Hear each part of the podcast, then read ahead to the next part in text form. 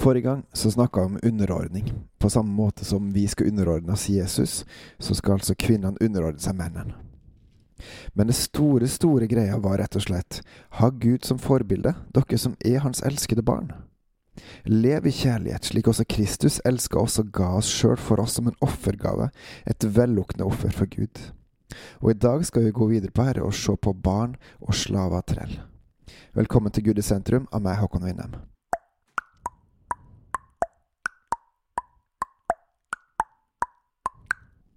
Vi er nå i Efeserne 6.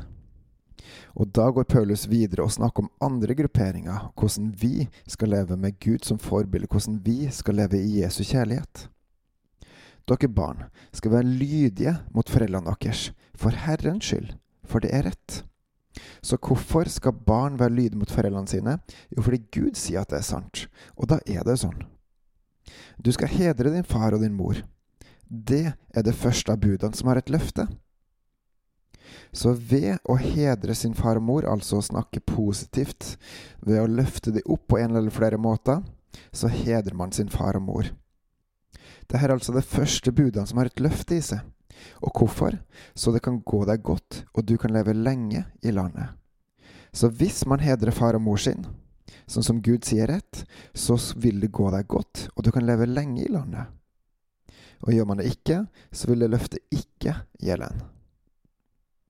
Dere fedre, vekk ikke sinne og trass hos barna, men gi dem den oppdragelse og rettledning som er etter Herrens vilje. Så fedrene som har et hovedansvar i huset på å sjekke at ting går i Guds retning, at meg og mitt hus, vi skal følge Herren. De skal sørge for at det ikke vekker sinne og trass hos barna gjennom oppdragelsen, men heller hjelpe dem sånn at de gjør etter Herrens vilje. Så Herren Gud, han sier at ungene skal hedre sin mor og far. Det betyr ikke at man skal være enig i ett og alt, men man skal hedre sin far og sin mor. Og fedrene skal sørge for at ungene blir oppdratt til å følge Herrens bud også. Og det uten at man skal vekke opp sinne og trass i ungene sine. Forbilledlig. Og det finnes store løfter med det, for at det skal gå en godt og en skal leve lenge i landet. Og så hopper Paulus over på neste gruppe. Dere slaver skal være lydige mot deres jordiske herrer. Slaver? Ok, vi har veldig lite av slaver i Norge, og øh, kanskje Vesten, av, av det jeg vet. Men vi har det jo faktisk, vi også. Noe som dukker opp i nyhetene av og til. Men kanskje kan vi strekke det her til å gjelde arbeidsgiver og arbeidstaker, når vi leser videre at Gud rett og slett her forteller oss hva skal en arbeidsgiver gjøre, hva skal en arbeidstaker gjøre, og ikke gjøre. Deres slaver skal være lydige mot deres jordiske herrer, med frykt og respekt, og av et oppriktig hjerte, like som mot Kristus sjøl. Så de som har noen over seg, de skal være lydige mot eh, dem som står over en. Dette skal man gjøre med frykt og respekt. Frykt kan både være negativt og positivt. En positiv frykt vil forhindre en å gjøre noe som en ikke burde gjøre. F.eks. balansere eh, på et gjerde ved siden av en motorvei. Mens negativ frykt er jo den som spiller på at folk skal være redd for en. Så her snakker vi sannsynligvis om den positive frykten. Og respekt. Man skal rett og slett vise respekt overfor sin arbeidsgiver, den som står over en. Og i tillegg av et oppriktig hjerte likeså mot Kristus sjøl. Så en skal være oppriktig i det en gjør, en skal være ærlig, en skal være rett fram, en skal være Sikkert mange flere ting vi kunne lagt inn her også. Så mot Jesus sjøl. Så når vi står i et forhold hvor vi har noen over oss, så skal vi respektere, vi skal frykte, og vi skal tjene med et oppriktig hjerte.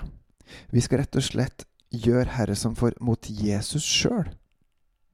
Hva ville vi gjort mot Jesus? Ok, det skal vi gjøre mot den står over oss. Vær ikke øyentjenere som bare vil gjøre mennesker til lags, men Kristi tjenere som helhjerta gjør Guds vilje. Så i det vi gjør, så skal vi gjøre det som vi gjør det for Jesus. Ikke bare for at vi skal please mennesker, men vi skal gjøre det for Jesus, og gjøre det helhjerta, det som Gud vil at vi skal gjøre. Gjør tjenesten med iver, som for Herren og ikke for mennesker. Og her kommer det igjen. Vi skal ikke gjøre ting for menneskene, men for Herrens skyld. Så i ett og alt, når vi også har folk over oss, gjør det som for Herren. Og en av årsakene til dette kommer rett etterpå.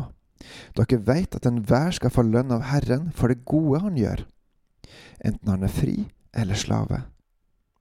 Vi skal rett og slett få lønn for alt det vi gjør for Herren. Dere herrer skal behandle slavene på samme måte. Bruk ikke trusler. Dere vet at både de og dere har samme Herre i himmelen, og han gjør ikke forskjell på folk. Og så snakker han til arbeidsgiverne, de som står øverst. Ikke bruk trusler, men gjør det samme som slavene har fått beskjed om. Gjør det for Herren. Vær Kristi tjenere, som helhjerta gjør etter Guds vilje. Så man har ikke lov til å styre på akkurat den måten man vil. Man skal gjøre det etter Herrens vilje. Som for Herren. Her er også standarden for arbeidsgiver gitt. Og den er høy.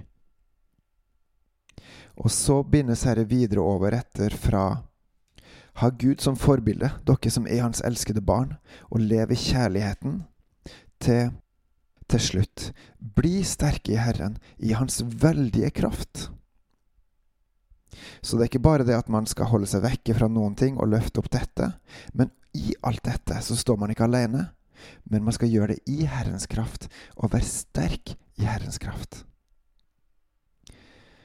Herre, vis oss mer og mer av din sannhet. Hellige åpenbar det i oss.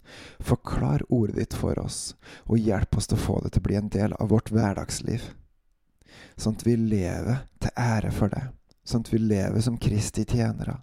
Sånn at vi gjør din vilje der vi er, enten vi er arbeidstagere, arbeidsgivere, sønn, datter, far eller mor. At vi gjør det som for deg, til din ære og i din kraft. Amen, og på gjenhør.